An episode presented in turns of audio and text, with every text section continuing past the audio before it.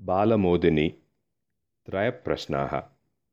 चन्द्रवर्मा काशीराज्यस्य राजा। कदाचित् तस्य मनसि त्रयप्रश्नाः उत्पन्नाः। उत्तमं कार्यं किम्?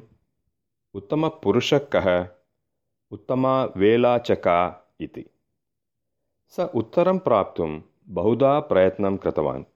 किन्तु तृप्तिकरम् उत्तरं कुतश्चिदपि न प्राप्तं तेन।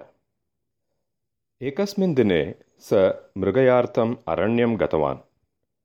मृगयया नितरां श्रान्तः सः विश्रामार्थं स्थलम् इच्छन् परितः दृष्टिं प्रसारितवान्। अनतिदूरे एव कश्चन आश्रमः तेन दृष्टः।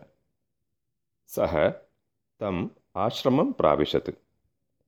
तदवसरे तत्रत्यः सन्यासी जलसेचनं कुर्वन् आसीत्। राज्ञः आगमनं ज्ञात्वा स सन्यासी तं स्वागतीकृत्य फलादिदानेन सत्कृतवान्। तस्य आतिथ्येन राजा सन्तुष्टः अभवत्। अचिरात् एव कश्चन व्रणितः ग्रामीणः तत्र आगतः। सन्यासी झटिति एवं व्रणं स्वच्छीकृत्य पट्टिकया बद्ध्वा यथोचितम् औषधोपचारं कृतवान् मधुरवचनैः व्रणितस्य सान्त्वनम् अपि कृतवान् आश्रमात् प्रस्थातुम् उद्युक्तः राजा आत्मानं बाधमानान् प्रश्नान् सन्यासिनं निवेद्य यथोचितम् उत्तरम् अयाचत्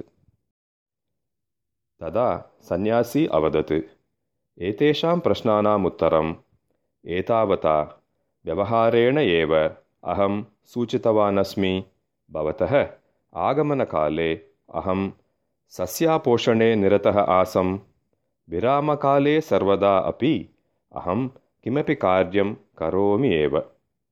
विनालस्यं क्रियमाणं सत्कर्म एव उत्तमं कार्यं यः अन्येषां साहाय्यार्थम् उद्युक्तः भवेत् स एव उत्तमपुरुषः।